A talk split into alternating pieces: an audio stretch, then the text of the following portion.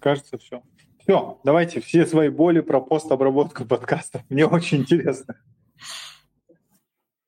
Ну, я не знаю, я просто, я, у меня, я как бы человек, который вообще с обработкой звука на самом деле сталкивался очень мало в своей жизни. И, опять же, меня это привело на самом деле к тому, что я в какой-то момент понял, что у меня просто банально не хватает времени. Ну, в первую очередь, конечно же, не хватает навыка и усидчивости, но времени это уже вытекающий отсюда параметр. И я принял такое э, достаточно, как по мне, э, ну, не то чтобы, это, наверное, паллиативное решение, это то, чтобы э, тратить время на написание статей. То есть э, отход от э, передачи информации устно – потому что я ради интереса посчитывал, сколько времени у меня уходит на постобработку и запись, и получилось ну, то, что я примерно ожидал. Запись проходит в целом достаточно быстро, подготовка какого-нибудь там примитивного общего сценария, добыча информации, это в целом плюс-минус одинаково, что для статьи, а, что для подкаста, а вот а, обработка, какое-то дальнейшее уже выкладывание и прочее, вот это вот самая большая проблема. И она, она прям становится самым таким тяжело снижаемым, к сожалению, ботлнеком. Я не смог эту проблему решить, и поэтому принял решение, что я буду просто давать такие вот of information, то есть, э, там, не знаю, там раз, не знаю, в месяц-два подкаст, а остальное время статьи. Потому что, да, статьи требуют написания большого времени, но к ним, я заметил, проще возвращаться, чем к написанию подкаста. И все-таки обработка текстовой информации лично мне дается проще. Поэтому для меня проблема решилась тем, что я в итоге сдался, на самом деле. Ну, в моем случае, да, в моем случае я просто записываю на диктофон. Ну, я сама журналистка, и у меня профессиональный диктофон получается. Я на нем записываю и обрабатываю, как меня Ильдар научил. Ну, самое главное, я просто шум, шум убираю и все. И клею там, и ставлю э, начало, вот открывашку и закрывашку, и так э, публикую. Так, прикольно, очень прикольно. Ну, мне кажется, что сильно влияет вот какое-то свое личное восприятие. То есть, например, у меня была большая проблема, что с тем, что записывать там можно на самом деле где угодно, но э, там, не знаю, где-то какие-то помехи и прочее, это обрабатывать. И если, например, ты записал условно половину подкаста, такой, так, я отдохну, что-нибудь по делу, и возвращаться уже все. То есть у тебя уже другая интонация, другой тембр, и ты такой, нет, это уже не пойдет, надо все по новой. А по новой времени не хватает, и, ну и уже настрой не тот. Но это вот, мне кажется, просто конкретно мой такой загон по поводу того, что идеально не получится, значит, лучше не делать вообще. Знаешь, а, я пришел к такому понятию, как достаточно хороший эпизод. Все, типа, я, оказывается, да. очень супер такой перфекционист и смогу сидеть там целый день делать только один эпизод. Типа. Поэтому я сейчас такой, достаточно хороший эпизод, все, выложил его, до свидания, и забыл о нем. Потому что там можно засидеться. Э, это удивительно, да, в том плане, что я сам работаю в, в компании, где agile возведен в абсолют, что better done than never и прочее, прочее. Но э, как бы делать это на рабочем месте без проблем, а вот перенести это на хобби уже несколько проблематично. Диана присоединилась. Диана, привет. Как дела? Привет. Привет, привет. Всем привет. Я вижу Руслан здесь.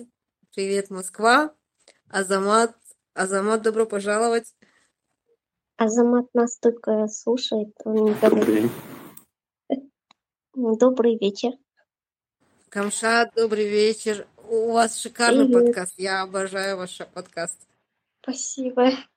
А, привет, это Азамат. Сори, я зашел, честно говоря, только послушать, потому что болею. А, но, но думаю, можно обсудить что-нибудь. А, а себе э, я Азамат из, из подкаста «Точка тире». Привет. Ну, раньше делал подкасты генератор случайных бесед. Азамат, я тебе фидбэк, может, дам под, про твой подкаст. Я последние три, кажется, пропустил, но я подписан, я дослушаю и считаю, что у тебя очень-очень классный и важный подкаст. Такие подкасты должны быть у людей, когда они сидят и рассказывают. Я несколько раз пытался делать такой же, но, блин, меня прям пока не хватает.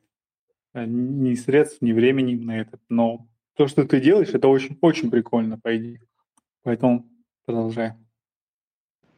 Да, спасибо большое. А, то, что вы говорили насчет редактирования, там, а, корректировки звука, я просто когда делал генератор случайных бесед, я по этому поводу очень сильно парился. У меня уходило там куча времени, ну, как у многих у вас, я уверен, на то, чтобы там вырезать всякие паузы, э, кашли, междометия и все такое.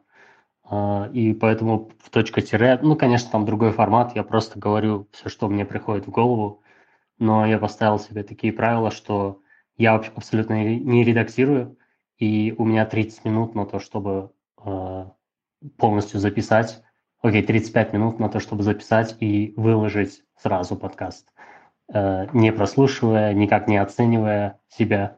Поэтому э, это гораздо проще записывать. А, да, потому что самоцензура, она такая страшная штука. Прожил это. А вот после записи вы э, никаким образом не редактируете, там шум не убираете? Ну, если честно, я думаю, что достаточно хорошего микрофона и просто сидеть э, ну, такой, в такой э, обустроенной комнате, где нет эха. Не знаю, там за, за навесками, диван, чтобы там был какой-нибудь. И этого достаточно. И достаточно говорить, если динамический такой хороший микрофон, то достаточно просто в него близко говорить, и не будет никаких шумов. Ну, по, на моем опыте. Э, поэтому я никак не корректирую звук абсолютно. Не чищу его, не нормализую. Напомните, пожалуйста, динамический это тот, для которого нужно фантомное питание, да, и, или нет? Нет, нет. У меня, например, ATR 2100, э, обычный USB микрофон. Uh-huh. Э, да, динамический он просто, не знаю, там какая-то... Он может записывать звук в каком-то определенном направлении. Не со всех сторон, а вот в одном направлении. Понял, понял. Классно. Арман, привет. Арман, автор подкаста History of Rap. Он рассказывает о рэпе, о музыке. Арман. Всем привет, ребят. Yo. Идар, приветствую. Привет. Yo, yo. Как ты? Всем, всем, всем привет. Как у вас, ребят? Привет.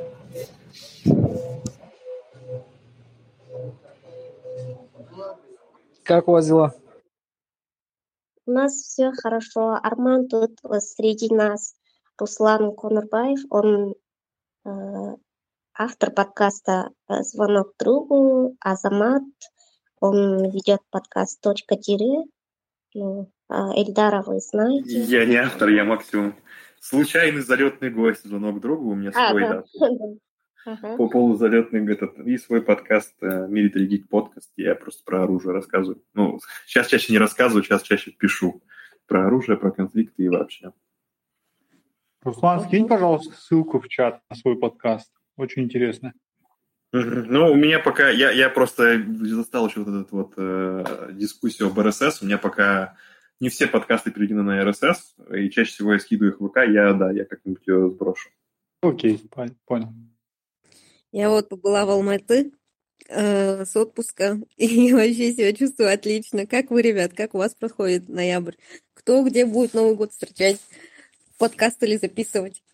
Как побыли? Мы же не встретились. Вы уже уехали? Да, я вот только что буквально прилетела, зашла домой. Что, как там в Алмате? Увидеться. Заметила одну особенность. В такси водители слушают радио. У нас в Астане слушают чисто плейлист, как бы флешкой и все. Но ну, это интересное наблюдение. Мы вот только что где-то час назад закончили запись э, подкаста «Заттар Сюлида», и там у нас в гостях был радиоприемник. И мы очень-очень сильно обсуждали именно эту тему. А, что с радио, почему радио перешел на машины, короче, вот эта вся тема. Где-то часовой эпизод будет.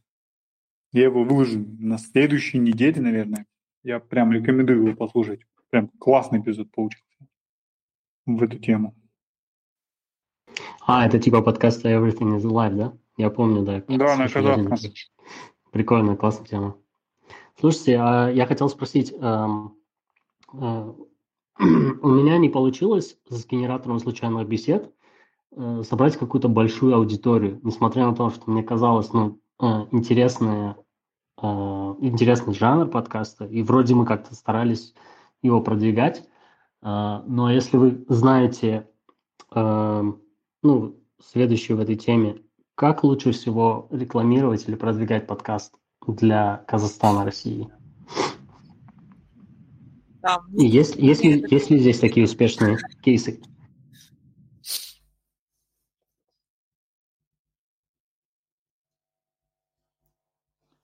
Тут, короче, звук сверчка. У нас это актуальная проблема, кстати, по поводу продвижения. Мы не раз об этом говорили все в нашем чате. Окей, окей. Ну, похоже, что самые такие популярные это когда у тебя есть кто-то из э, знаменитостей в гостях, наверное. Ну, на самом деле, мне кажется, не совсем так. Я, опять же, по опыту российских подкастов, что там чаще всего нужен какой-то, чаще всего какая-то медиаплатформа. То есть я, например, считаю, что одни из лучших подкастов в России на данный момент это подкасты «Медузы». А, и ну, это просто очень мощная медиаплатформа журналистская, которая вокруг себя, как, не знаю, как раковину, как дополнительную надстройку выстроила подкасты. А есть примеры независимых хороших российских подкастов, ну, не связанных э, там с медиа и прочим, э, я думаю, да, есть. Просто проблема в том, что я знаю достаточно большое количество людей, которые пишут очень интересные, увлекательные там вещи и разговаривают об очень интересных, ну, мне, во всяком случае, темах. У них очень хороший уровень проработки, очень хороший уровень риторики, их банально приятно слушать. Но большая проблема в том, что э, я уже точно это знаю, качество контента вообще никак не зависит от того, сколько людей его прослушает. Вообще никак. А есть люди, которые делают, э, там, условно говоря, на коленке, быстренько за пять минут сведено, они там просто с кучей ошибок и оговорок, но это завоевывает популярность, ну, а остальное нет. И, ну, как бы я не вижу в этом ничего плохого, ну, такова жизнь. Кто-то проигрывает, кто-то выигрывает. Здесь э, медийная известность, она вещь непредсказуемая и рандомная. Э, но мне кажется, все-таки самые известные кейсы – это все-таки либо, да, знаменитость, э, либо некая вот медийная платформа, либо какой-то СМИ, которая может а, приглашать экспертов, обеспечивать хорошее качество звука, аутсорсить многие задачи, которые там, единичные подкасты или небольшие коллективы возлагают на себя. И, конечно же, за ними угнаться достаточно тяжело. Ну, еще один Очень из интересный важных кейсов. Про качество и популярность. Можешь чуть-чуть подробнее здесь об этом? Ну, опять же, видите, я могу говорить только всегда наш любой опыт, он ограничен рамками нашего какого-то восприятия. А в рамках моего восприятия, в рамках интереса моих э, конкретных тем, которые мне интересны, политика, а, связанная, соответственно, с войнами, конфликтами, оружие и прочее, прочее, а, я знаю, например, очень достаточно много медийно известных людей, которые прославились тем, что достаточно хорошо играли там, условные варгеймы, а, просто стрелялки, шутеры, ту, ту же самую тундру, ну и попутно делали, а, скажем так, смежно с, не, с этим подкасты, либо какой-то контент связан с этим. Ну, наверное, такой самый такой пример, который я могу провести, вряд ли его кто-то здесь знает, это есть такой блогер, Алканафтер, да, у него такой ник, это человек, который достаточно хорошо играл в War Thunder в игру и достаточно хорошо разбирался в истории там, бронетехники и особенно авиации. И он многими считается как некий такой вот наиболее горячий пример, потому что он постоянно пилит, э, он не совсем подкастер, он скорее ютубер, но принцип более-менее схож в том плане, что он постоянно пилит ролики про, э, там, про бронетехнику, про, про авиацию, про какие-то необычные проекты, как это развивалось. На самом деле очень интересная история, почему люди принимают те или иные решения в разработке, э, там, например, тех или иных способов вооружения или прочего. Но Проблема в том, что уровень все-таки его проработки, особенно если ты хотя бы немножко этим разбираешься, он достаточно поверхностный. То есть ты, когда начинаешь, чуть, когда ты вообще ничего не знаешь, это интересно. Когда ты начинаешь хотя бы немного понимать, ты такой, ну вот тут ошибка, то, что здесь он говорит, это не совсем так, есть там другие мотивы, которые это объясняют. А здесь он просто не понял вообще, о чем идет речь и так далее и тому подобное. И в то же время есть куча а, доморощенных каких-то каналов, которые делают очень хорошую аналитику, прям действительно очень интересную. Там, а, недавно напоролся случайно на YouTube на канал, у него буквально там несколько тысяч подписчиков, господи, «Стратег диванного легиона», по-моему, называется. А они пилят именно вот, ну, по сути, подкаст. То есть там смотреть не обязательно картинку, даже важно слушать. А, и уровень проработки материала, а, он гораздо глубже. А, уровень, опять же, я не со всеми выкладками там согласен, и мне много чему я бы хотел, наверное, поспорить, а, но я не могу не согласиться с тем, что этот человек вкладывает больше концентрации своего времени и сил в проработку выпусков, чем вот условно алканафтер. А, вот, я подразумеваю под качеством контента вот именно то, а, если, опять же, ну, опять же, я говорю о темах технических, которых можно нащупать какую-то объективную э, действительность, какой-то критерий, как хорошо ты проработал эту тему, как хорошо ты знаешь матчасть. Она, я не очень хорошо понимаю, там, как определить качество подкаста в гуманитарных сферах, ну, я, собственно, и не совсем гуманитарий, поэтому, вот. вот поэтому вот касательно качества контента в этом случае, ну, я думаю, более-менее объяснил. Да, спасибо большое. Классно. Жен пыталась что-то сказать. Скажите, пожалуйста, Жен. Жанар и Армен что-то хотели сказать. Да, я хотел этот, э, тоже, чтобы Руслан скинул ссылку вот, э, по поводу оружия, да. Подкаст я просто сам военный, тема близкая, просто очень интересно было послушать. Да, да, но я сразу говорю, что я человек прям максимально диванный, и мне бы на самом деле очень сильно пригодилось бы э, фидбэк со стороны людей, которые этим профессионально занимаются. Поэтому да, я скину попозже. Но я сразу говорю, что там, скорее всего, с точки зрения профессионального военно будут куча косяков. И если вы мне об этом напишете, не знаю, я по приезду пивом проставлюсь, например. Не, ну если с точки зрения просто как военно оценить, там без проблем оценим, оценим. Фидбэк там такой, что там э, ящиком не отделаетесь. Договоримся уже. Это очень смешно. А может нам на хвост упасть? Видите, как, э, видите, как интересно наша встреча проходит? Уже почти что ящик пива, можно сказать, заработал.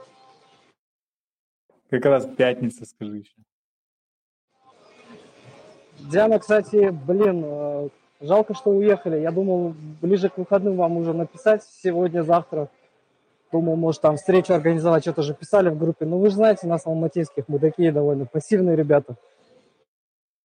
Да, я тоже думала, что на выходных встретимся. Да, мы тоже думали, что мы встретимся на выходных. Эльдар, это очень смешно. А, да, да, ребят, спасибо большое. Да, у меня были, э, с чата писали ребята, которые хотели тоже вам это встретиться, встретились все было хорошо. И у меня главная была цель пойти на три брата и Пао сходить. Вот эти две цели я как бы выполнила. А, просто нам этот а, Матинский нужен очень хороший пинок. Либо нам нужен такой же подкастинг-центр Толкун, как у вас в Астане есть. Если бы у нас была бы здесь такая движуха, я думаю, мы просто чаще собирались по-любому. Да, э, по идее, знаете, э, чуть-чуть расскажу про вот эту всю движуху насчет э, студии, да. На данный момент студия уже переходит в такой, знаете, корпоративный, корпоративный отрасль, да, потому что мы видим, что мы не окупаемся просто, занимаясь только вот такими, знаете, личными подкастами занимаясь. Нам, мы сейчас чуть-чуть ориентируемся уже на корпоративную аудиторию, да, и одна из, один из самых наших на данный момент больших побед – это мы а, сейчас подписываемся с э, стримингом Megago на создание а, нарративного подкаста исторического на двух языках. То есть мы сейчас конкретно убеждаемся, что корпоративная отрасль больше заинтересована в подкастах, больше, ну, там есть какой-то доход, чем я могу закрывать тут свои расходы, да. Поэтому э, изначальная моя идея сделать такой центр, где подкастеры могли бы приходить, там записываться, что-то такое делать, он пока не взлетает. Он пока такой аморфно. То есть подкасты все, ну, не то, что все еще, подкасты сейчас конкретно, да, это придаток к чему-то. Это придаток к газете, это там, то есть делают, вот у нашей есть у нас большая компания коллеги, они там продают большой продукт, и внутрь подкладывают подкасты, типа между слов говорят, а есть еще подкасты, ходите, и кто хочет, они вот э, подписываются. Вот такая вот штука. Если кто-то там э, задумает открыть студию в Алмате, имейте вот это в виду прям. Вот один за год вот это поняли. Мы вот когда уж последние три месяца уже конкретно там остановили социальные сети, остановили все публикации, просто сейчас э, перешли в корпоративный сектор. Не знаю, насколько вам будет полезна эта информация, я подумал, что, наверное, полезно будет. Не, Эльдар, конечно, полезно, но тем не менее любой желающий, вот э, индивидуум может, по идее, прийти и записать, да, правильно же я понимаю? Да, да, да, да. Как бы аренда, аренда, она не отменена. А, ну, когда приходит уже, э, сколько у нас есть постоянные подкасты, 3-4, они в неделю раз приходят, там, иногда два раза приходят записываются, им очень нравится там типа качество и все такое, но таких людей не так много, как хотелось бы на самом деле. Вот, поэтому будем смотреть. Ну, все еще думаем, как увеличить количество подкастеров в Казахстане. И пока таких э, супер-вау идей нет, кроме того, как э, сделать э, сходку подкастеров, такую-то конференцию, кроме того, как запустить бесплатный курс по подкастингу или подкаст про подкастинг, не знаю. Вот по этой части я прям не знаю, как сделать. Хочется увеличить количество подкастеров, хочется по помочь им по качеству, но не могу додуматься. Если у вас есть какие-то соображения, прям было бы супер. Идар, все равно этот, э, я хотел тебя лично поздравить просто с тем, что вот у вас сейчас такой проект с Мегаго, это очень круто. Поздравляю тебя, брат, мы все за тебя рады. По-любому, конечно, э, подкастинг-центр ваш, он должен как-то себя окупать, я так думаю. Поэтому то, что вы в корпоративный сектор зашли, это, это круто. Я так понял, это такая тенденция в СНГ. Э, я вот увидел несколько, ну, общаемся, вот российские тоже подкаст-студии, тоже некоторые перешли, просто от, они вообще отказались от э, физических ну, лиц и работают только с корпоративом, то есть они предоставляют полностью под, делают подкаст под ключ. Вот мы, мы к этому пришли, поэтому. Ну, этот, э, Эльдар, я так понимаю, еще рано говорить, да, что студия как-то уже хоть, хоть как-то начала себя окупать, еще рано об этом говорить. Да, да, он никоим образом себя не окупает, только такую, знаешь, имиджевое такое, если вот так делать, как... Но чисто как бизнес сам себя не окупает, он пока Потому что, опять говорю, это не, не страшная боль людей, да, чтобы они ходили и записывали здесь. А, даже можно, да, как мы уже говорили, можно записать подкаст на кухне, или, ну, не обязательно на кухне, вообще дома, на телефон. Поэтому, как бы, вот, не окупается еще. Не знаю, может быть, я еще пока не так сильно шарю в бизнесе, может быть. Я только учусь, это мой первый серьезный, только первый бизнес. Вот, будем дальше думать. Но э, я однозначно на этом точно не остановлюсь, даже если эта тема не пойдет. Я чувствую, что прям я, я чувствую и понимаю, что в этом ну, тема перспективная подкастинг. Вот, может быть, если даже не на русском и не на казахском языке, может быть, начнем делать что-то на английском языке, почему нет? Если у кого есть идеи что-то сделать, там сколабиться, сделать на английском что-то, давайте, welcome. Вообще открыты. На, на, кстати, мы открыты на любые предложения, реально. Сумасшедшие, не сумасшедшие, спокойные, любые.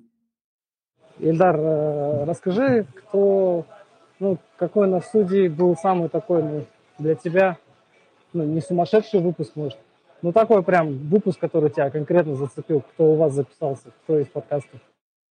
Ты знаешь, э, как обычно говорят, да, мы эти плохие не делаем, да, но не буду лукавить. Мне самому очень нравится подкаст вот этот э, «Заттар Сулида», который мы последний вот делаем. Он какой-то вот сам по себе свободный. И очень нравится, что мы в каком-то одном эпизоде мы говорим не только про вот эту тему, да, а вот прям а, контекстами, подтекстами разбираем многие другие другие аспекты, а, вопросы нашего общества. Поэтому, а так конкретно вспомнить, прям не вспомнишь, знаешь.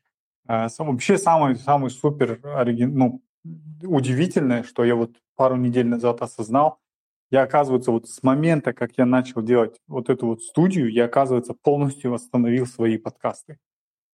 И это для меня прям вообще, типа, как так может быть, что у человека своя студия, и он не делает свои подкасты. То есть вот как учиться, осознанный отец, они остановились. Это для меня, ну, я, я как-то это все пропустил, и оказывается, уже прошел год или больше года, как там не выходили эпизоды. Вот. А, не знаю, как даже это объяснить. Вот, может быть, там были бы какие-то эпизоды. А так, в принципе, а, стараемся очень-очень хорошо делать все, все эпизоды, чтобы там... Ну, у меня есть свои принципы, как редактировать, как делать, что должно быть, не должно быть. И все подкасты отвечают этим качествам, да. Те, которые наши, а те, которые заказчиков, мы вообще туда, там хозяин барин. Казбек, приветствую, тоже подкаст. Сила, Казбек, мы, сила знаний, да? Сила талантов. Сила талантов. Точно, точно. Привет, Казбек. Всем добрый вечер, ребят. Рад вас слышать, видеть. Добрый вечер. Добрый вечер. Привет. Если кто хочет, я думаю, здесь даже можно включить камеру и увидеть можно, кажется. Давай, Эльдар, жги. Инициатива имеет инициатора. Ты знаешь такую военную? Арман знает, вот, например, такой военный прикол. Я, я тоже знаю эту тему. Не, если присоединитесь, конечно, вообще без проблем включу. А тут я буду сидеть один, любоваться на себя, не знаю. А это, здесь материться можно или нельзя? Да, да, можно. Азамат, Азамату придется уши закрыть. Вот. Всем привет. Видно? Привет. Видно, видно. Видно, видно, видно, брат. Давайте подключайтесь, что вы увидим. Я вот так ставлю. Я в тренажерке, я сейчас через пять минут подключусь. Диана, подключайся. да. Давно тебя не видел. О, Сейчас, подождите. прикольно. Вообще прикольно. Мне нравится. Мне нравится. Слушайте, это вообще, да, классно. Вау. Вообще Телеграм мощно развился за последнее время, я вам скажу прям. Просто слов нет, что они вообще творят. И классно, что они начали монетизироваться. Потому что если, если они не, мони- не монетизируются в ближайшее время, то просто ну, загнутся. и Жалко будет. потерять. Ну, Насколько я знаю, пока Тебя не узнать, слушай. Да, кажется, многие по-другому представляют. да. Да. Ты как этот, ты как будто этот фильтр какой-то применил.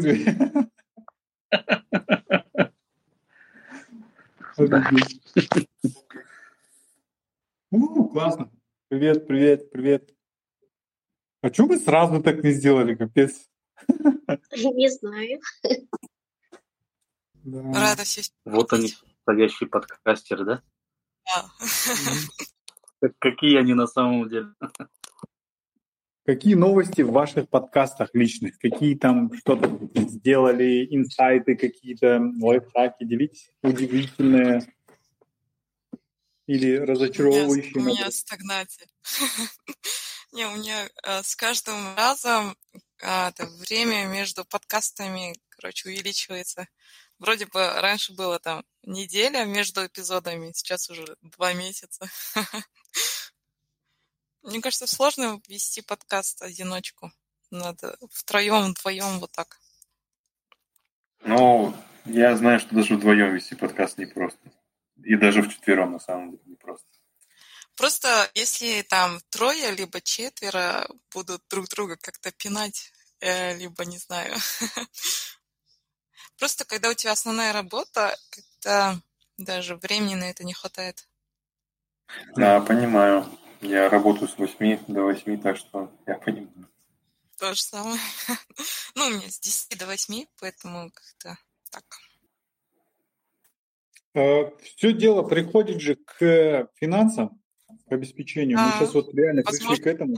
мотивации нету. Потому что надо делать другие дела, да. Классно. Какой, каким бы классным ни был подкаст, вот мы придумываем здесь такой классный подкаст, секой, да. Все такие, да-да-да, классно, классно. И давайте делать. И что, что там по оплате будет? Такой, да, здесь за идею же, да, давайте за идею, пойдем. Но где-то через недели две-три, типа, все пропали, никого нет. Поэтому... Мне кажется, эн- энтузиазм был первые полгода, а потом уже начинает потихонечку угасать. Вот. Наверное, нам надо сделать какую-то платформу, ну, типа свою, да, казахстанскую, как этот, как Patreon, но только наш. Типа такого. Либо включать рекламу, но рекламу никто не даст же. Там с рекламой отдельная тема. Насчет Патреона в Казахстане Каспи собираются такое делать, но там будет тема такая, что, я как понял, там нужно будет оформлять юридическое лицо. То есть э, точно такая же схема, почти схожая, но не для физических лиц, кажется. Я вот как раз на, вот, на Хасфорум я встречался с этим, с Каспи банком, они сказали, что да, мы сделаем такое, но там нужно будет, чтобы было юридическое лицо, кажется. Об этом слышала. Так Вот Patreon же спокойно работает в Казахстане, нет? Он работает, да. У меня, это, знаете, э, прямая такая монетизация подкаста моего идет. Я Patreon вроде все это подключил, но я, я вообще на него забил, не парюсь там. Ну, как обычно подкастеры делают, там Каспи, да, свой номер указывает или еще что-то делает. Я как-то это попробовал делать, понял, что не идет. И сделал такую э, прямую монетизацию просто. Мне с моего подкаста просто клиенты идут и все. Вот, Казбек, расскажи, Прикольно. пожалуйста, подробнее. Это, это же классная штука, у тебя прям это Да, же это кейс. классно. Расскажи, пожалуйста. Ну, у меня, видите, он же узконаправленный подкаст. Он вот сила талантов. Я там что делаю? Вот у меня есть моя мет- э, не моя методология, моя деятельность. Я занимаюсь коучингом, да, я помогаю людям там прокачать свои сильные стороны и так далее, да, таланты развить. Ну, как бы такой у нас э, научный доказанный такой продукт. Это от Гэллопа, институт Гэллоп, может, если слышали. Вот, и я Как просто, я там обучился, и это моя деятельность основная, я провожу эту деятельность, и единственное, я понял, что людям не хватает интерпретации, да, правильной, вот этого подхода, самих талантов и так далее. Я решил запустить подкаст и начал там интерпретацию рассказывать по 15, по 20 минут, прям разжевываю, рассказывать это все. И люди, которые слушают, они такие понимают, а, да, классно, супер, но остаются вопросы, и потом мне звонят. И все, и люди начинают вот так вот, они звонят уже, да, давайте это, консультацию. А я говорю, ну вот, пожалуйста, консультации есть. Раз, два, три, четыре, пять. Несколько вариантов, и люди залетают.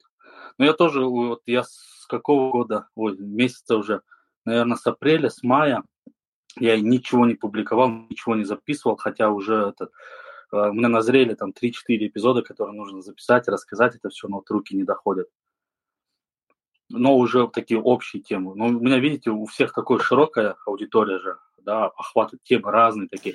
А у меня тупо такая узконаправленная идет. Не, Поэтому ну, монетизация самом- получилась. Ну, кстати, на самом деле, да, у меня тоже достаточно узкоспециализированная тема. И ну, единственный плюс, как- как более-менее похоже на монетизацию, которую я получал, это то, что там пару раз мои знакомые наталкивались на, соответственно, мой паблик ВК, на мои статьи и прочее, и они предлагали мне за скромный прайс вести канал в Телеграме, там, посвященный. А, последний раз, по-моему, это было там, устойчивое развитие или металлургия, что-то такое. Ну, Мгм. они сказали, что будет хорошо платить. Я отказался просто потому, что, ну, во-первых, мне и так, в принципе, на работе хватает, а во-вторых, э, ну, это совершенно незнакомая мне сфера, в которую придется очень сильно углубляться, потратить огромное количество времени. Я такой, ну, просто, и, скорее всего, на выходе будет, ну, я буду писать там статьи, посты и прочее, но они будут сильно по качеству уступать, я поэтому отказался. Поэтому, наверное, да, касательно каких-то специализированных сфер, технических и прочих, это как бы, да, прямая мон- монетизация работы. А что делать, если ты, например, ведешь там какой-нибудь разговорный подкаст, например? Вот это вот очень интересный вопрос. Ну, Я, я согласен с этим, да. Вот в таких, а, как сказать, обширных подкастах сложно что-то говорить про эту монетизацию. Ну, у меня узкое понятно. Я взял сразу. Ребят, непонятно, залетай на консультацию, проконсультируй, и все. Казбек, можно спросить а, насчет количества клиентов? Сколько примерно приходит? Я, я не знаю, как правильно сформулировать вопрос, но типа сколько, как приходит, я не знаю, может в процентном соотношении, как ты можешь сказать? В процентном, вот честно, не могу сказать, не, не считал так. Но, допустим, у меня прослушивание всего лишь, вот я в 2020 году запустился в марте, да, это сколько, чуть больше года. Вот, э, всего лишь 20 тысяч. За, ну вот у меня 40 эпизодов, 40 разборов там, да, всего лишь 20 тысяч прослушиваний. И я как бы, зная другие, это капец как мало вообще. Но порядка, знаете, наверное, человек 10-15 точно пришли на, как бы, на платную консультацию. Вот, ну, если взять в общем 15 человек, из них где-то, наверное, человек 10 это те, кто пришли на такой, на большой курс, да, зашли. А, а большой курс, ну, как бы он у меня стоит порядка 200 тысяч, да, такой полтора месяца он идет. Ну, соответственно, вот. И причем разные там города, страны, кто-то с Турции, кто-то с России, там, э, кто-то из Казахстана, ну, и там с Германии были, в, как-то вообще с этого США писали, да, ребята. Типа, о, мы наткнулись на вас, там. Их там местные коучи, они же подороже, чем наши вот. Ну, вот где-то вот так вот было. Ну, не больше 15 человек, это точно. И не меньше 10. Ну да, это так. Прикольно, прикольно. Слушай, классно. Это классно, классно. В общем, я сейчас похвастаюсь чуть-чуть книгой. Да, я вообще обожаю книги. Я сейчас переключился так к подкастингу. У меня, я сейчас по миру собираю все книги про подкасты и читаю. Короче, это книжка про подкасты от NPR. И тут в самом начале, прям в самом начале есть э, глава или параграф, да, где говорится о том, что тема подкаста должна быть супер-супер узкой. Mm. Чем уже тема твоего подкаста, ну не то, что вообще там супер-супер узкая, да, но там, в общем, если относительно узко, типа, тогда подкаст будет эффективнее и монетизировать легко его, и найти целевую аудиторию тоже легко. Поэтому вот как бы вот мне нравится в этом плане вот подкаст Камчат, да, там только письма на казахском языке и все, как бы исторический. Поэтому такой достаточно узкий подкаст. Он uh-huh. это не интервью, да, он расширяем, он потенциально монетизируем, да, типа если там придет Кока-Кола в подкаст Камчат, да, она может там письма, которые писали в Кока-Колу или там основатель Кока-Колы писал письма кому-то, там вот такие можно темы обыграть и сделать грамотную интеграцию в подкаст, мне кажется. Поэтому я прям, я только хлопаю тебе и поздравляю с э, таким вот методом монетизации. Это очень круто. Я, кстати, тоже поддерживаю вот эту тему. Эльдар, вот ты правильно сказал, что подкаст должен быть только на одну тематику. А то вот сейчас много же подкастов таких вот, типа с таким названием «Как перестать переставать и начать начинать», что ли, типа что-то такого, короче. Про успешный успех. Да, да, да, да. Я, кстати, знаете, я же не такой прям активно заядлый подкастер, вот как, как вы, ребят, да? Все-таки у вас темы такие обширные, как-то в рассуждение уходите. У меня это все так вот узко все. Но этот я благодаря, как, ну ладно, не буду так говорить, благодаря мне, да благодаря Всевышнему, конечно, но по моей где-то, надо сказать, напористости несколько человек подкасты создали свои. Один из них, mm-hmm. вот чувак там по инфити в Москве, вот он вообще, он там бизнесмен, а ну, я не знаю, миллионер он или нет, но рублевый точно миллионер. Вот он тоже в восторге такой, о, мне твой подкаст нравится, подскажи, как мне свой запустить. И вот так вот несколько человек запустили. Я им такую легкую консультацию. Я, кстати, Ильдар, твой этот, э, на тебя всегда ссылку скидываю, я не знаю, обращались или нет. Ну, вот он, он вам точно подскажет, он вас за это, ну, как бы там проконсультирует полностью, как спасибо, нужно сделать. Я-то в этом вообще такой дуб в этом. Спасибо. как сапог. Не, классно. Спасибо. Спасибо большое. Я, но, э, но монетизацию я знаю, как делать. В узкой специальности это, это прям вот это то, что я люблю сейчас. Я прям э, в, в один момент я не понимал свои подкасты, если честно. Я думал, что ну вот все сделаю для людей, держи вот так, пожалуйста. Потом думаю, я столько времени, энергии, все это трачу, изучаю материалы, потом беру это, записываю. Четыре года до этого эту всю специальность изучал и думаю, Ну, понятное дело, что бесплатно, да, это люди берут и слушают, но это же надо как-то превратить, конверсия же должна какая-то быть. Я не верю в то, что подкаст не может быть монетизируем. Вот эта мысль как закралась однажды, и все. После этого я сказал себе, теперь надо такие делать продажи в самом подкасте, подводить к этому, создавать такую ценность. Да, да, да, да. Оно, оно к этому и приходит. Мы, а, допустим, тоже в студии вот почти уже год, скоро 10 месяцев, сколько мы существуем, тоже пришли к этому, что мы придумали типа там штук 15 или 20 идей, концепции подкастов мы прописали, и mm когда идем на продажу, мы просто все вот так вот продаем, и заказчик такой, нам нравится вот этот и вот этот. Но мы хотим, чтобы он был там зеленого цвета, или он, чтобы он был фиолетовый, или чтобы он был квадратный. Да? Мы без проблем, давай сделаем квадратный, ведущая девушка, вот тебе девушку, парень, или там соединить девушку. То есть уже а, мы не продаем конкретно, то есть и потом только после этого мы переходим к реализации этого подкаста, да, то есть изначально происходит, то есть продажа у нас происходит изначально, мы изначально продали, а потом занялись созданием, потому что, ну, блин, на, на энтузиазме далеко реально не уедешь. Ну, что есть, то есть, да. Вот знаете, кстати, недавно такая аналогия одна пришла. А, мне эти СММщики с нашей компании обращаются и говорят, Казбек, вот давайте там запишем вот такие-такие эпизоды, нам нужно посты в Инстаграм влить. А я такой, у меня в голове не клеится, думаю, что-то не то, вот не понимаю с ними. И у меня как пошел с ними спорт такой, а потом я, вот мысль, аналогия такая пришла, я им сказал, что вот, девочки, поймите, вот есть SMM, понятие Инстаграм, да, там есть вот личный бренд компании или человека. Вот подкаст – это отдельный личный бренд. И там свой отдельный контент должен быть. Там и прогрев, и такие вот раскрывающие тему, и закрывающие, да, вот эти все нюансы должны быть. Это, это отдельная социальная сеть, как бы, да, подкастинг.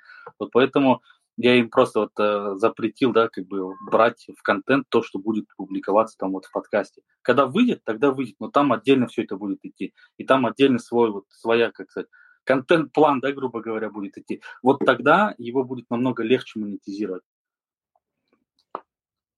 Да. Если с такой позиции подходить. А, я знаю, у Камшат есть что рассказать про монетизацию.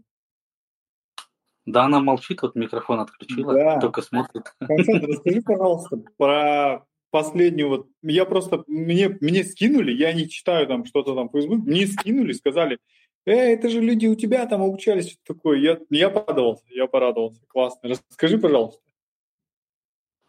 Ну, получается, я же первый, первый сезон выпустила ну, после того, как обучилась у вас.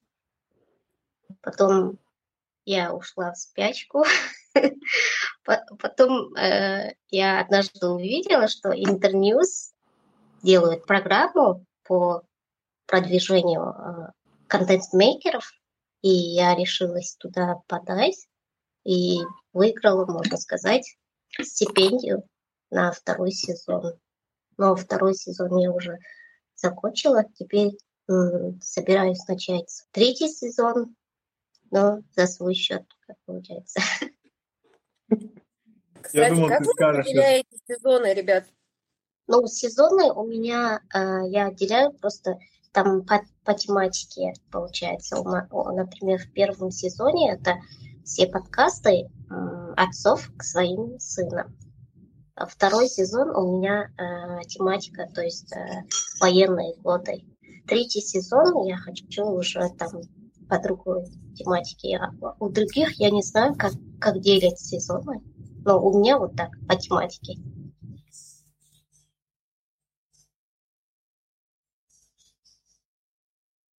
У, у Эльдара... Кто еще как делит? У вас, у вас же было два сезона, да, Эльдар?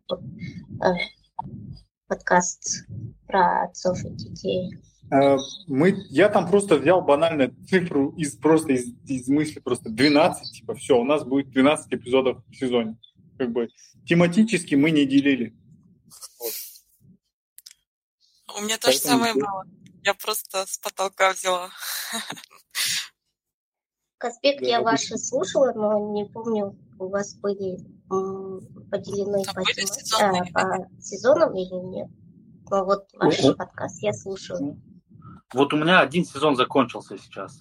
Э, я, получается, раскрыл тему самого вот именно сильных сторон подхода самого и разобрал 34 таланта.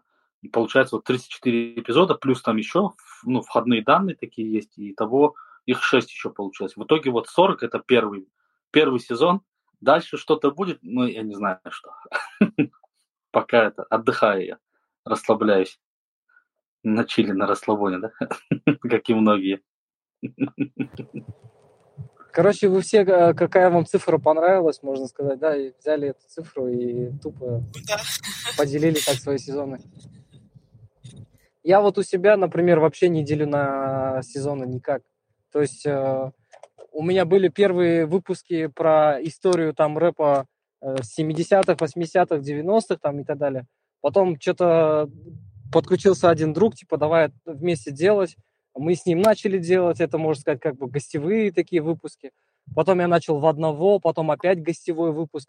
А сейчас я уже для себя, короче, так разделил, вот и в последнем или в предыдущем подкасте я прям даже об этом озвучил, что, ребят, короче, мы делаем теперь чисто один подкаст там про такую-то группу или исполнителя, потом один гостевой и один чисто по новостям вот за последние там 2-3 месяца или там за 2 или месяц-два месяца у кого какие релизы, что нового можно послушать там и так далее. Вот я сейчас так делю, короче.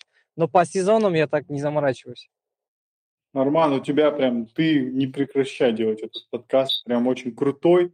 Мне, мне в нем нравится идея вот этого, знаешь, пиратства, когда ты просто, не, получая никакого там разрешения вход, просто берешь музыку и вставляешь его, и там сразу можно. И это, как, это очень похоже на радио, на самом деле. Я прям, я считаю, что ты должен быть на радио. Не думай, что это там утренний или дневной эфир, это должен быть эфир после 10. Чисто вот такой вот вайбовый должен быть, кажется. Поэтому классно все у тебя делается. Продолжай. Спасибо, спасибо, брат. Твои слова да богу в уши, как говорится, да, надо на радио выходить по-любому. Вот я последний эпизод прям на таком вдохновении писал, я потому что посмотрел сериал «Американская сага», там как раз э, про группу вот эту, вот Clan было. А я их в детстве слушал прям жестко, короче. И я прям с таким подходом, я подкаст записал за день, и за второй день я его свел, и на второй день до трех часов ночи я его, короче, заливал. И прям мне самому так вообще зашел, он, он так прям на таком, на таком драйве был записан, там вообще супер. Получается, Арман, ты делаешь этот подкаст чисто зачем? Типа, у тебя цель не монетизация же, я, я правильно понимаю? Ты его просто делаешь, и все? Ну, по большому счету, да. И вот мне, честно, все так э, у меня спрашивают, друзья, там даже жена спрашивает, зачем, зачем это делаешь? Я говорю, ну вот когда меня не станет, сын захочет послушать мой голос, и он включит и послушает. Но это, конечно, такая банальная причина. Ну, вообще, типа, этот э, посыл был такой, что, типа, да, как бы э, вернуть радио как бы в тренды, да, такую, такую радиопередачу про рэп, скажем так. Чисто одно направление, рэп, хип-хоп, все, какая музыка там, какие группы там и так далее. Вообще я это все же с детства собирал, я, прям по крупинкам вот эти, с газетные журналы, вырезки там, э, журнал Cool, там еще что-то там. Э, я слушал передачи на радио про рэп-хип-хоп в детстве, записывал их на кассеты, потом с кассет я это слушал, переписывал себе в блокнот. С этих блокнотов я сейчас какие-то э, э, что-то вставляю туда, то есть этой информации нету на Википедии, допустим, да, там, а мне когда-то эту информацию дали в 2000-х, как бы, скажем так. Я вот это все сейчас переношу, вот, скажем так, оцифровываю то, что я в детстве собирал. Ну, это просто бзик какой-то, и все. Я вот хочу просто и делаю. Но он не будет не монетизироваться никогда, это однозначно. Не знаю, смотри, у меня, у меня я сейчас только что пробил свой потолок. Короче, давай не будем... Зам... Ну, если даже в казахстанских радио не примут, может быть, напишем в радиостанции России, потому что там, в принципе, такой формат есть. Там такая музыка крутится. Типа вот я слушаю Стрельникова на маяке, да, и иногда тоже там по выходным слушаю. Я знаю, что они... Там такой формат разговорный там и музыку применяют. То есть у них есть права на всю эту музыку, у них есть программы такого формата. Поэтому, может быть, им написать вдруг ну, давай сначала этот, э, я начну, наверное, с казахстанских радиостанций. Ты вообще вот, я тебе как-нибудь этот скриншот сниму этот э, своего чат, этого телеграмма рабочего стола, все мои чаты там. Ты знаешь, я вот кому только, в какие только паблики я не писал. Все вот эти знаменитые паблики, в которых там по 20-30 тысяч подписчиков, короче, именно про рэп, хип-хоп тематика. Это там, ну, я не буду сейчас называть это, чисто кто рэпом увлекается, они знают эти все порталы, короче. Все пишут мне, от, отвечают все эти авторы. Типа, да, круто, короче, информация крутая, да, все, вообще посыл, там, типа, профессионально делаешь, вообще крутяк, короче. Ну, типа, этот, э, если хочешь, чтобы мы рассказали тебе, типа, плати, короче, там, кто-то 6 тысяч рублей просит, кто-то там 5 тысяч рублей просит, ну, все такое, короче. Я, угу, ладно, окей, все, было приятно пообщаться на связи. Ануар тут подключился. Ануар, привет. Э, ребят, налейте чайку, давайте прям лампово сидеть. Ко мне, знаете, кстати, недавно этот э, написали, ой, я не забыл, Филадельфия, что ли, оттуда. Там один э, вот чувак, он ведет радио этот, на русском языке. Я забыл, как его, за этот, как его зовут, но мне надо это открыть, он там в Фейсбуке мне писал. Я, если что, вот я еще не выступал у него, он пригласил этот, выступить на его радио. Арман, если там все нормально склеится, я, я порекомендую, не знаю, залетит, не залетит, но как опыт, почему бы не попробовать. Я, я ему этот отпишусь, только мне нужна информация небольшая именно, что и как, вот, о чем подкаст там и так далее. Я бы с удовольствием порекомендовал. Все, спасибо, спасибо, Хазбек, закину, обязательно в личку закину.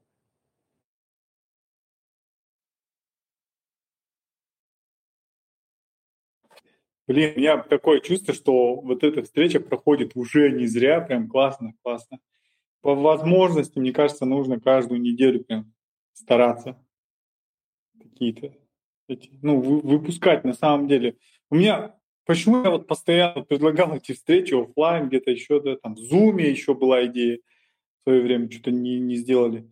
Мне, мне не хватает людей, с кем поговорить о подкастинге типа пообсуждать современные вот новости подкастинга. Там, кто-то кого-то купил, кто-то там запустил сервис, кто-то с кем-то конфликтует, да, как-то технически, я не знаю, там, допустим, там, Spotify, это подкаст или не подкаст, типа, вот эта вся тема, она мне интересна.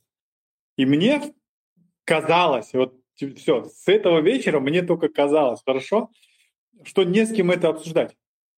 Вот, я слушал, я сидел в этих чатах российских, российских подкастеров, слушал и всегда думал, вот бы, блин, в Казахстане, вот встречаться, вот так общаться, там, обсуждать это все, вот, вот так вот слышать и видеть. Так что, блин, спасибо всем большое, что вот так вот маленькая инициатива поддержали, пришли, уделяете время, внимание, вообще супер.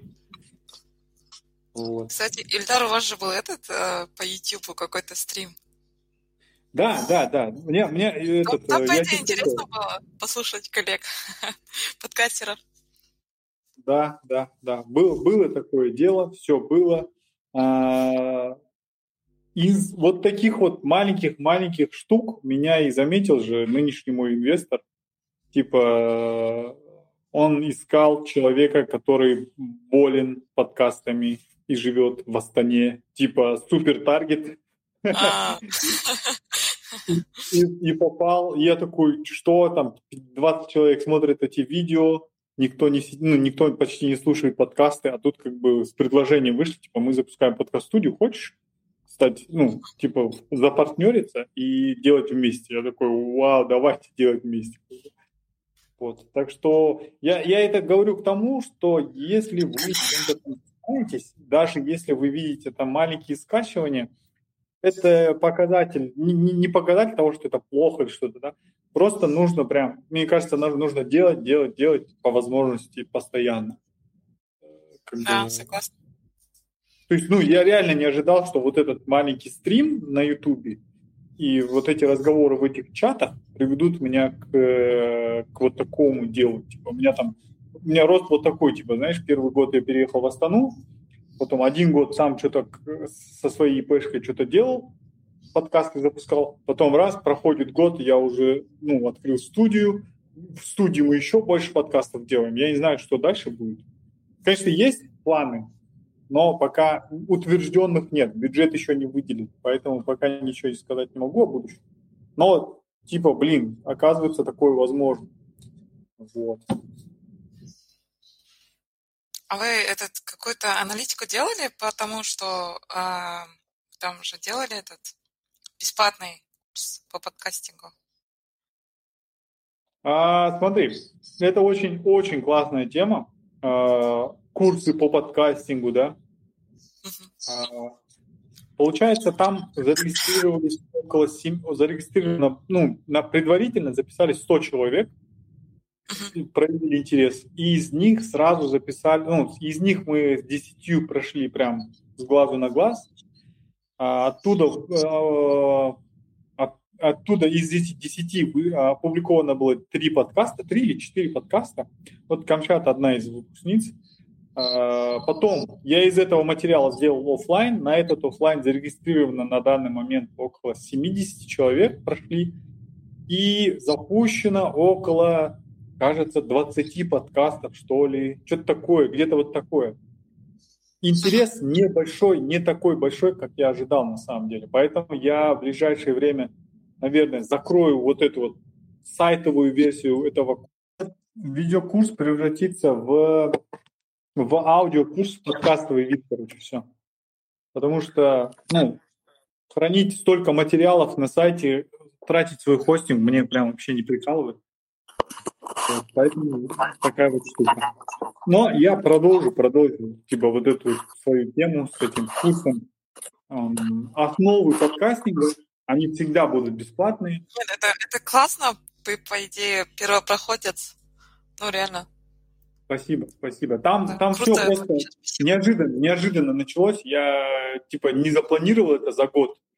Мне просто не... Ну, блин, опять начинается, да, просто скажу один раз, и я надеюсь, больше никогда не скажу. Мне не понравилось просто, что люди продают э, информацию, которая доступна. И все, я ну, такой, блин, я, так не должно быть. И просто сделал бесплатную версию. Это, это первое. Второе, ко мне приходят люди, спрашивают, а, а что насчет курсов по сторителлингу, да? И у меня ответ такой. Если я пойду заниматься сторителлингом, я тоже там буду продвигать эту же идею, что основы сторителлинга должны даваться бесплатно, потому что оно везде есть. А вот если дальше углублено, допустим, если я э, там буду рассказывать о том, как сделать так, чтобы твой хостинг хранился, ну, твой подкаст хранился у тебя на сайте, и чтобы там была классная статистика, там, и все такое, то есть такой advanced version такой, чуть-чуть повыше уровнем, да, такой локальный. Я думаю, такие курсы я уже буду делать платно, потому что такую информацию, ну, не, не, не везде найдешь, да, то есть там уже э, опыт идет. Можно делать на WordPress, может, есть другие варианты. Э, как бы вот такая, то есть Моя идея в том, что основа всего, оно должно даваться бесплатно. Если ты вот читаешь лекцию вот так вот прям сидя лицом к лицу, без проблем монетизация очень уместна все. Но если ты типа записал что-то, собрал готовую информацию, озвучил и дальше, ну блин, я это не могу согласиться. Поэтому как бы момент, момент мой только в этом. Вот. А так, конечно, тема очень классная, интересная. А, приходят отзывы, люди, блин, очень поражает меня, первое время поражало, что люди не могли зарегистрироваться на курс. Хотя там большие кнопки, красные и зеленые были. Я записал видеоинструкцию, как зарегистрироваться, как пройти этот курс. Но все равно в, как его называется, в Телеграм писали люди, где курс, как зарегистрироваться, как пройти, сертификат, платно, не платно, типа, блин. И... А, Эльдар, я даже больше скажу, ну, как бы, ко мне, например, до сих пор пишут там а, в Инстаграме, типа, как послушать подкаст. Ну, я прям сделала в актуальных специально, записала видео, как это слушать на айфоне и как это слушать на андроиде. Я сразу туда отправляю хайлайты, идите туда. Угу, угу. Это настолько как необычно. это постоянно так? Да. Ну, да, как... как я могу найти типа такого плана? Это, это вообще жесть, если честно, да, люди прям пишут, по сей день пишут. А где слушать да, его да. иногда пишут? Где вот, слушать? Вот, самый такой такого? вопрос, такой самый странный, да? А где слушать? А, потом еще понимать, пишут, типа, знаете, что пишут? А, выложите на YouTube, короче, типа, я не могу там слушать по платформам. Я вам скажу, а, почему это происходит. Блин, надо делать не об этом отдельный подкаст.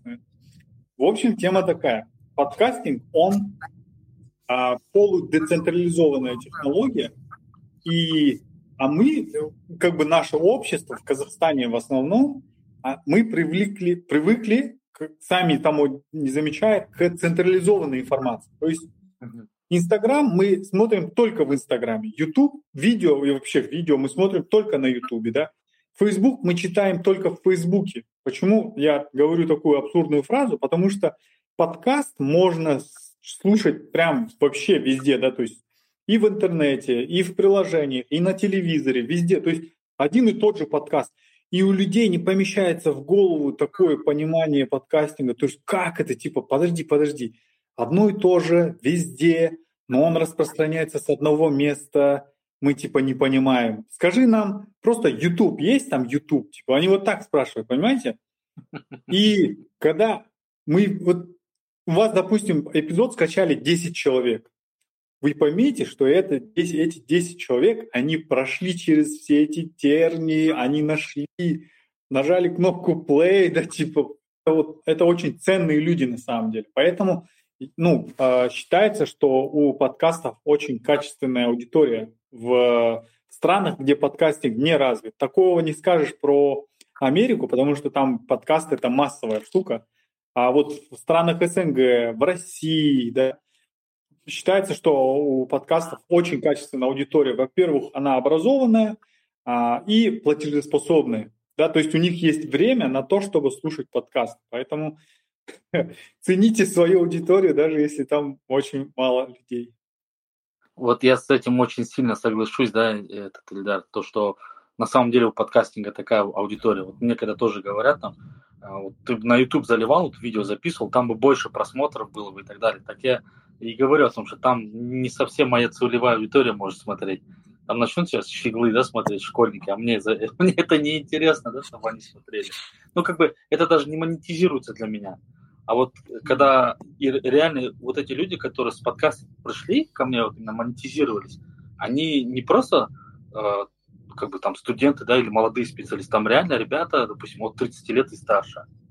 И причем, за, которые хорошо зарабатывают кэш. И которые там на курс, когда заходили, а, что, сколько там, 180? Давай, куда скидывать, да, вот такие вот ребята там были. И вот я поддерживаю в подкасте да. очень у нас в Казахстане, в России, в СНГ, наверное, да, вот это очень такая грамотная целевая аудитория такая, образованная. Mm-hmm. С этим прям, да. это прям, плюс-плюс, куда плюс писать, давайте. Не, классно, классно, супер, супер. А, и это приводит нас к вот такой мысли. А, что подкасты на данный момент в Казахстане не могут быть, ну, я на своем примере вижу, что, блин, очень-очень трудно сделать их основной своей деятельностью. На данный момент подкасты, у меня сейчас уже бизнес превратился, поэтому мы как-то выгребаем. Но на данный момент он не может быть основной деятельностью, но я считаю, что он очень-очень рекомендован специалистам, чтобы иметь свой подкаст. Прям очень Это магнит говорил. Это, это, это лид-магнит очень крутой. Да. Вот я его использую как лид-магнит. Оттуда люди переходят и на страницу меня в инсту, оттуда люди интересуются и курсом, но конверсия хотя бы такая вот совсем маленькая, да, как говорится, на донышке, но тем не менее она есть. Просто я открыто прям вот так вот там не продавал, не говорил, не говорил о курсе там своем и так далее.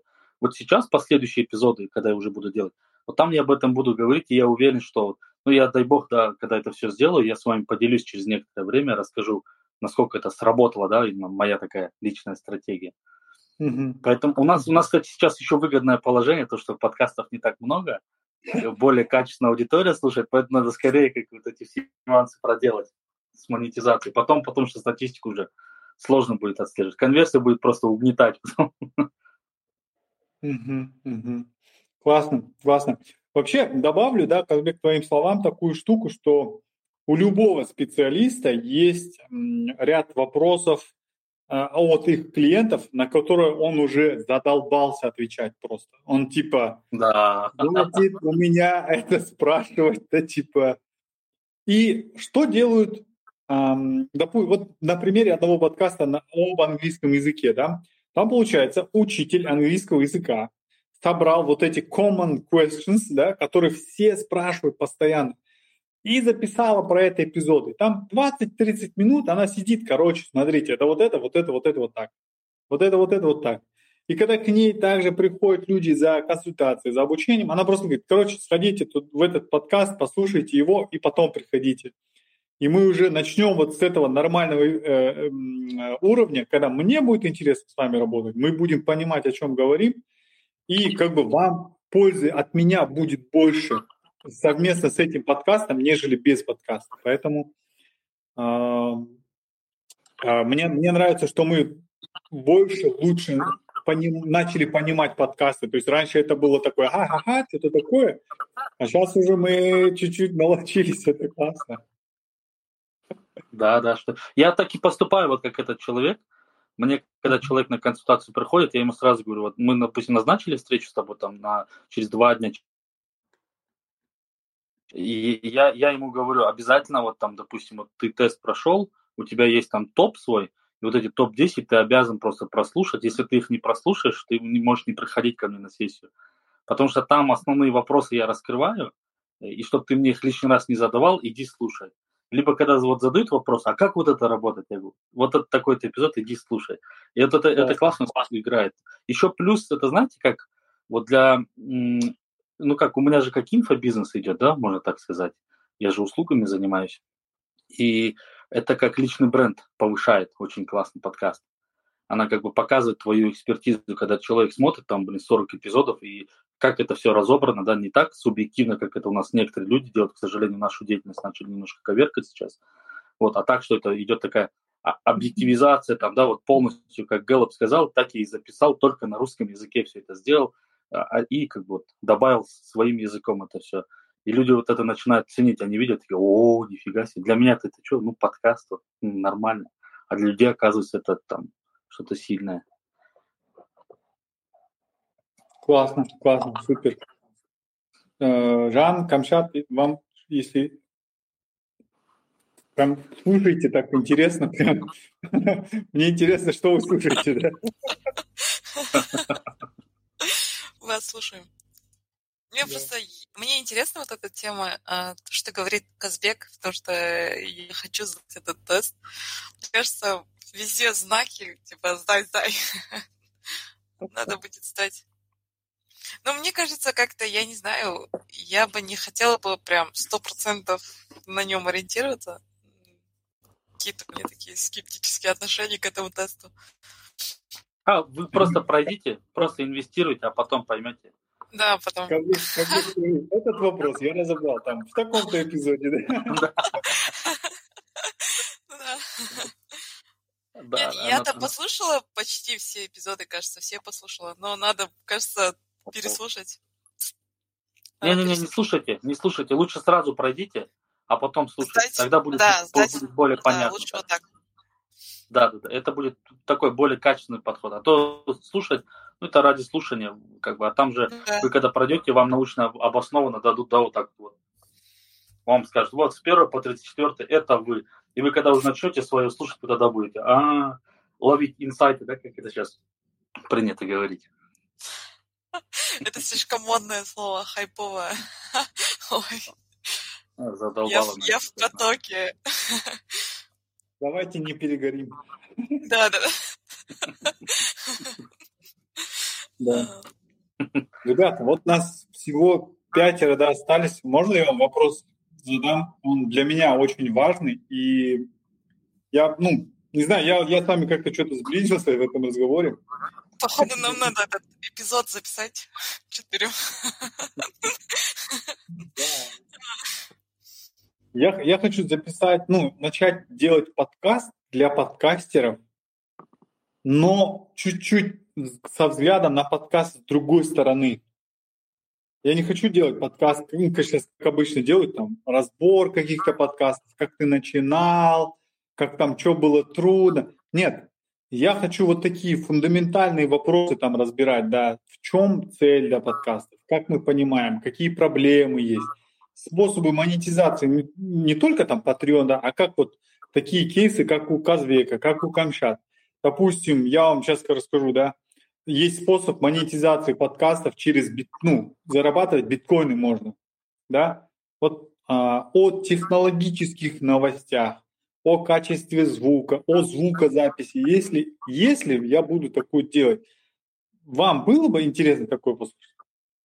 Учитывая, что я вообще еле слушаю подкасты, вот такое было бы интересно послушать. Но это же такие технические моменты, плюс это, это же на качество будет влиять, допустим, да, моего подкаста где-то. В случае, там, если я буду запускать еще один, да, хотя вот назревает, да, сейчас уже и идея все есть, осталось только сесть и записать. Вот, поэтому я думаю, это, это было бы очень круто. Ильдар тоже я, поддерживаю тебя, твою инициативу, это очень крутая идея. Вот э, Казбек тоже, можно сказать, с языка снял. Если бы я а, такой подкаст бы послушал бы в начале, года полтора назад, когда вот я только-только начинал, я бы свои первые выпуски однозначно как-то по-другому бы записывал. Я бы сейчас свои первые 10 выпусков вообще не могу слушать спокойно. Я начинаю там, у меня пена просто изо рта. И все. Если бы был бы такой подкаст вначале, я бы... Да, весело. Короче. Мне кажется, все такие. Да, да, я тоже сто процентов согласна. Ну, я просто не могу слушать реально свои подкасты, которые, наверное, первые пять, это ужасно. Это опыт. Я могу... Ну, там такой я звук просто. Все такой, сейчас я вам могу найти, я сейчас найду свой а, Эльдар 2008 года, короче. А, подкаст, ну, самый первый подкаст, который я записал на диктофон и выложил еще на тогда существовавший портал а, arpod.ru. Там, конечно, вообще просто... Я не знал тогда, что делал, реально, вообще ни хрена не знал я не знал, что это я потом буду говорить, вот, я вот это делал. Типа. Тогда это было просто реально. Вот, вот это, это был тогда то, что делает сейчас Арман, наверное. Чисто вот просто, чтобы делать. Вот. Всем салам. Это Эльдар со своим рок-подкастом. Я из города Алматы и начинаю свои подкасты, рок-подкасты Буду встречаться с рок-группами, общаться с ними, интервью брать, песни петь, может и бухать. Ну, посмотрим, что получится из этого всего.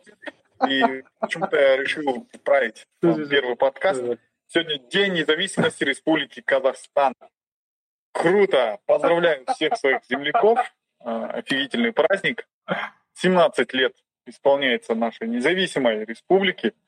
И сейчас я на работе нахожусь, Поеду сейчас в, в город Алматы, жду ее пригородом. В общем, потом расскажу об этом. Буду я встречаться с группой Ангриал. Это офигительная панк-группа из города Алматы. Выпускает скоро свой первый альбом. И я хочу чуть-чуть поговорить про альбом, о них и вообще, кто они, что они из себя представляют в подкасте. В Казахстане этот подкаст своеобразный первый в рок-индустрии. Все только говорят и то и дело про Казнет или там про новости. А я вот э, хочу освещать рок-культуру. Вот так вот. У меня есть портал рок-музыки Казахстана, я его начал в общем, короче, вот такая вот тема была. И я его слушаю, когда, ну, типа, начинаю чувствовать себя там супер каким-то экспертом, который не может допускать ошибок. Я просто включаю этот эпизод, слушаю и такой успокаиваюсь. Это какой год? Это 2008 год. Э, декабрь, 16 декабря 2008 года. Капец, это вообще же древний, древний. А когда вообще самый первый подкаст появился? В каком году? В 2001. Январь, э, какой-то, да, 2001, какой-то января 26 что ли, января 2001 года. Это вот человек, Дэйв Уиннер, он логически реализовал задумку Адама Карри, то есть вот этот виджей MTV-шный, он пришел к Дэйву Уиннеру с идеей того, что давай привяжем как-то к RSS аудио. И Дэйв Уиннер посидел и привез, ну, типа, добавил там пару кодов, закинул туда какую-то песню какой-то группы а, английской, и типа все, типа фид работал, и эта технология, она работала. Она, они его придумали, просто закинули в сеть, да, а, с объяснением, как биткоин закинули в первое время, также закинули. Первое время не особо никто не пользовался, но бум начался именно в 2003 году. Там уже прям просто почти всем разорвало. И где-то в 2004 году российский радиоведущий Василий Стрельников а, основал площадку подкастовую, полусоциальная сеть, полуподкаст-хостинг, назвал russianpodcasting.ru. И там, ну, там вообще был рост огромный, реально. То есть в Казахстане начали делать подкасты. И я вот на этой волне тоже в то время начал делать подкаст. Но, как там сказал, там все делали про интернет, про интернет, про блоги, про сайты. И я такой, блин, мне как бы что-то неинтересно, а я в то время прям балдел от рок-музыки, именно казахстанской еще, и такой думаю, да. И вышло около пяти или шести эпизодов этого подкаста, потом что-то я охладел к рок-музыке, и все. В общем, тогда этот подкаст и закончился. Но было очень круто, было очень круто прикоснуться к этой теме. И сейчас вот возвращаюсь туда иногда мыслями и думаю, блин, если бы я тогда не бросал, что было бы? Типа, так не было, даже не было Тенгри FM. Если бы я тогда не бросил этот рок-подкаст, я по-любому что-то делал бы сейчас на Тенгри FM, наверняка. Так что, Арман, ты это самое не бросай. Вдруг какая-нибудь рэп-радио начнется, ты по-любому попадешь туда. Все не зря, как говорится, да, Ильдар? Да, да, да. По-любому для чего-то. Круто, круто, круто. Вот этот первый эпизод прям вообще мне на, тоже да. напомнил мой первый эпизод. Там примерно ну, то же самое ты, было. Это ты, скажи. Сто процентов я. Я первый эпизод свой писал, я, я ехал в машине, только я ехал из Алматы в область, вот, на работу тоже. И такой по дороге на диктофоне тоже. Всем привет, вау, типа, это History of Rap подкаст, короче, меня зовут так, так. Я вам тоже как-нибудь скину там, первую демку. Классно, классно. Так что вот, если кому есть что сказать, давайте скажем, но мы уже сидим часа, мне домой, я на работе сижу, поэтому... Нет, давайте все, заканчивать. Классно посидели, спасибо, Ильдар, за организацию. Давайте продолжать. Блин, вам спасибо, что пришли, вам спасибо, серьезно. У меня есть одна, э, одно вот это вот предложение, или как там, да? Мы записали же аудиоверсию. Вы не против, если я его выложу в feed? соберу, чуть-чуть обработаю и выложу. Куда выложишь? В этот чат? Вот этот, нет, не в чат, вот этот, а, есть подкаст, который называется, где вот эти стримы я выкладываю. А, да, без проблем. Ты нас записывал, да, получается? Да-да-да. Нифига себе, а что ты не предупредил, блин? Ты почему? Я же предупредил, вон красная точка горит. Все, и тебя тоже, когда входишь, предупреждают. А, а да? видео запись аудио было? Аудио, аудио. Аудио было. Э, ты от меня, пись... ты от меня письменного разрешения не получал же на это использование моего лица? Начинается, начинается. Шучу, шучу. Конечно, не против. Давай, давай. Заливай. Ну, я сам тоже послушаю, переслушаю обязательно, потому что много-много было сказано. Вот. Все. Тогда ровно через неделю встречаемся здесь же по возможности. Не обязательно, но будем очень рады. По возможности. Спасибо. Да, okay. спасибо. Okay. Все, всем, всем пока. Всем счастливо, спокойной пока, ночи. Пока. Пока. Давайте общие фото сделаем. Опа. Арман, я думаю, никто не предложит. А я заскринил вас уже. Да? Тогда в группу скиньте. Все окей. Если общие есть. Ага. Давайте скинем. Ага.